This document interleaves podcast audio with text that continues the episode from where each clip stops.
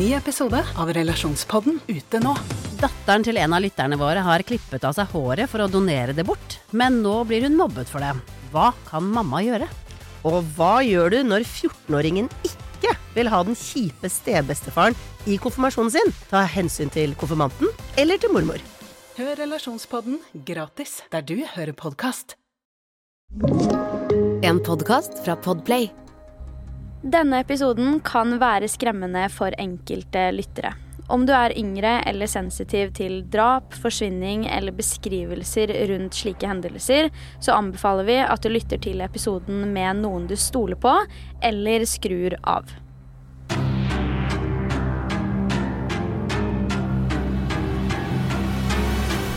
Hei og velkommen til en helt ny episode av Forsvinningsfredag podcast. I denne ukens episode skal vi snakke om The Bjørk Stalker, som er en sak som omhandler et ekstremt tilfelle av det vi kjenner som kjendisstalking. Flere av dere husker helt sikkert hvordan mediene var på tidlig 2000-tallet, med Britney Spears og spesielt de kvinnelige artistene på den tiden. Hvordan oppmerksomheten rundt dem var mer som en besettelse enn at man likte dem på en sunn måte.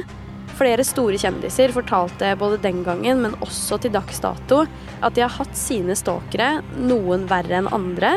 Men dessverre så er jo ikke dette et nytt fenomen, akkurat. Saken vi skal snakke om i dag, har imidlertid en helt annen tone. Er både eldre og bygget opp på et helt annet vis enn mange av de andre typiske stalking-sakene som vi har hørt om. La meg gi deg litt bakhistorie. Denne saken omhandler i stor grad den islandske artisten Bjørk fra Reykjavik, som fikk sitt store gjennombrudd tilbake i 1988 som en del av gruppa The Sugar Cubes. Denne gruppa ble oppløst i 1992, og året etter så fikk hun nok et gjennombrudd, men da som soloartist. Hun hadde gitt ut et soloalbum tre år tidligere, da hun fremdeles var en del av The Sugar Cubes, men det var definitivt dette året som skilte seg ut. Herfra så bygga Bjørk seg opp en stor internasjonal fanskare, nå innenfor elektronisk musikk. Konsertene til Bjørk fikk også mye oppmerksomhet og ble rost opp i skyene for hvor spektakulære de var. Bjørk har selv alltid vært veldig involvert i hele den musikalske prosessen, med både produksjon og miksing, og har i tillegg et ekstremt kreativt hode med en hel haug av ideer. Med en såpass stor fanskare så var det naturlig nok noen som ble ekstra betatt, og elsket Bjørk litt mer enn alle de andre. En av disse var Ricardo Lopez. Han, som så mange andre, ble først introdusert for musikken til Bjørk i 1993, da hun slo gjennom som soloartist. Ricardo elsket denne kvinnen, og over tid hadde han samlet alt han kunne av informasjon om både henne og hennes privatliv. Han ville vite alt. I tillegg til dette hadde han sendt henne en haug av kjærlighetsbrev i håp om å en dag bli lagt merke til av sin favorittartist. Ricardo var åpenbart en mann med både mange og store følelser som kunne velte i alle retninger. Han skrev nemlig en dagbok som i ettertid har kunnet fortelle oss absolutt alt om dette. Her skriver han bl.a. at han kun ønsket å bli akseptert av Bjørk, og også at følelsen han fikk av denne besettelsen, var som en eufori. Ricardo skrev i dagboken sin at han ønsket å være en person med en slags påvirkning i livet til Bjørk, samtidig som han mente at han f.eks. ikke kunne hatt samleie med henne fordi han elsket henne. Dagboken til Ricardo var noe helt utenom det vanlige, og den var på 803 sider, som i stor grad omhandlet Bjørk, men også andre temaer kom på banen, både i forbindelse med Bjørk og ikke. I tillegg skrev han nemlig en del om sine usikkerheter, hvor mye han hatet seg selv. Totalt faktisk 168 ganger i dagboken skriver han om nettopp dette. 34 ganger skriver han om selvmord, og 14 ganger om drap. 408 ganger skriver han om Bjørk, mens han også har 52 referanser til andre kjendiser i tillegg. Det er ingen tvil om at denne mannen ikke akkurat hadde det så bra med seg selv, Og det toppa seg virkelig i 1996, da han fikk greie på at Bjørk var i en romantisk relasjon med den britiske musikkprodusenten og DJ-en under alias Goldie. Dette likte ikke Ricardo på noen måte, og han følte seg sveket av Bjørk, som på tidspunktet ikke ante hvem han var engang. I dagboken sin skrev Ricardo at han ikke kunne tro at han hadde kasta bort så mye tid på denne kvinnen, og så viser det seg at hun har en elsker. Ikke bare var det et problem, men Ricardo hadde et stort problem med at hun var involvert med en mørk mann i tillegg.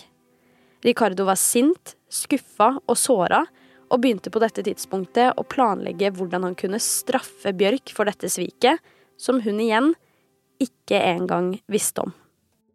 En del av Ricardos planlegging involverte å lage totalt elleve videoer som hadde opptak på rundt to timer hver seg. Selv mente han at disse skulle dokumentere livet hans, kunsten hans og også planene hans. I første omgang planla han å sende henne et brev med kanyler som skulle inneholde hiv-infisert blod, og i hans perfekte verden ville han konstruere en enhet som kunne være bygd slik at disse kanylene ville sprette ut av konvolutten så fort hun åpna den, slik at han var sikker på at hun kom til å bli påvirket av det. Etter hvert innså han imidlertid at det ikke ville være mulig å lage en slik konstruksjon, så han begynte å se på andre muligheter. Det er da han kommer på ideen om å lage en syrebombe i stedet. Planen var å hule ut en bok han skulle fylle med svovelsyre. Denne skulle da fungere som en bombe, og deretter ta livet av Bjørk. Han planla også at han skulle ta sitt eget liv etter å ha sendt denne bomben i posten til hjemmet til Bjørk i London, rett og slett i håp om at de to kunne forenes i himmelen, og han kunne leve med henne til evigheten. Den 12. september 1996 filmer Ricardo Lopez sin aller siste video. Dette er dagen han har sendt denne pakken til London, og han er klar for å fullføre sin egen plan. Jeg vil bare minne deg på at alle disse planene jeg har nevnt her, er jo faktisk filma, og det er mange og lange opptak, men spesielt denne siste videoen mener jeg er forstyrrende på mange måter, og noe vi sjelden har sett maken til. Barbere hodet sitt før han maler ansiktet sitt med røde og grønne striper. Etter dette sitter han på sofaen sin og hører på låta I Remember You av Bjørk, før han etter hvert viser en pistol til kamera. Mot slutten av låta sier Ricardo det flere mener er victory, mens andre mener at han sier this is for you. Uansett er det kommende øyeblikket, slutten på livet til Ricardo Lopez, som håper å bli forent med Bjørk i himmelen. Når det kommer til bomben han sendte, så ble den heldigvis detonert før Bjørk hadde sjansen til å se på den. For allerede samme dag som Ricardo tok sitt eget liv, ble han nemlig funnet i leiligheten sin, og politiet fikk greie på videoene i god tid før pakken rakk å ankomme London. Heldigvis for det, egentlig, for dette kunne gått forferdelig galt. Så hvem var egentlig denne Ricardo Lopez? La meg gi litt bakhistorie på han, sånn på tampen her. Ricardo Lopez ble født den 14. januar 1975 i Montevideo i Uruguay. Han kom egentlig fra en helt vanlig familie med stabil økonomi, og allerede da Ricardo var et lite barn, flytta hele familien til Lawrenceville i Georgia, hvor de alle ble boende. Han hadde også et veldig godt forhold til både familien sin og vennene sine, men han hadde ekstremt dårlig selvtillit, som vi så vidt var inne på med dagboka hans, og det kan virke som at dette hadde enorm påvirkning på livet hans.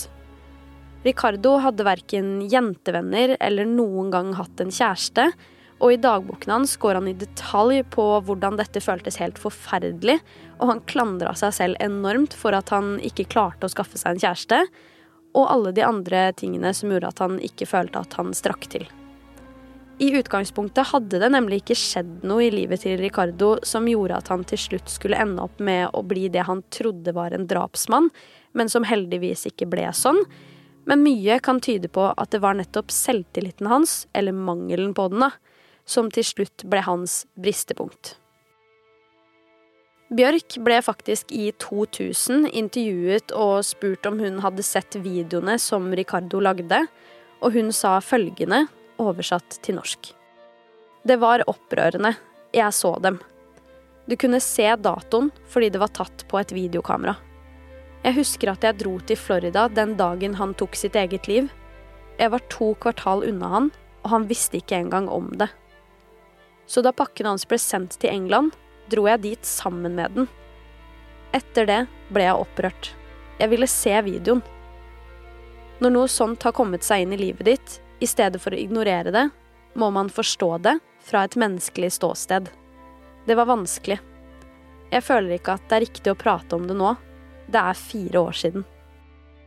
Bjørk har også gitt sin kondolanse til Ricardos familie, da dette er en forferdelig sak uavhengig av at det kunne vært livsfarlig for Bjørk.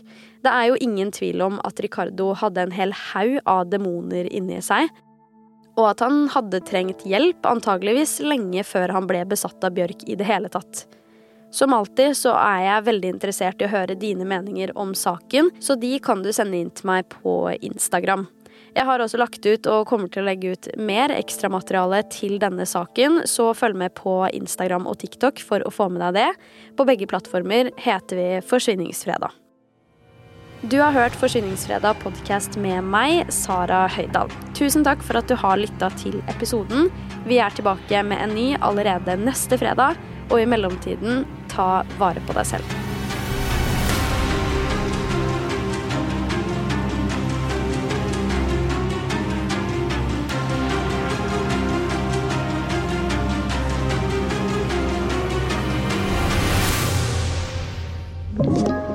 Du har hørt en podkast fra Podplay. En enklere måte å høre podkast på. Last ned appen Podplay eller se podplay.no. Å ta bedriftens årsoppgjør og sende inn skattemelding uten regnskapsprogrammet TrippelTex er litt som å kjøre budbil uten GPS. Du får nok levert, til slutt, men ikke uten å rote rundt og bruke masse tid. Med TrippelTex kan du stole på at du har riktig verktøy til regnskapsjobben. Prøv gratis på TrippelTex.no. Vi i Rema 1000 kutter igjen prisene, nå på en mengde påskefavoritter. Du får f.eks. minst 25% priskutt på appelsiner i løsvekt, familiepakning med vaffelmiks fra Toro, tipakk Rige kakao fra Freia og andre påskefavoritter. Alt dette og enda flere priskutt på minst 25% For det er sluttsummen på påskehandelen som teller. Og husk at vi fortsatt har fryst prisen på over 1000 varer.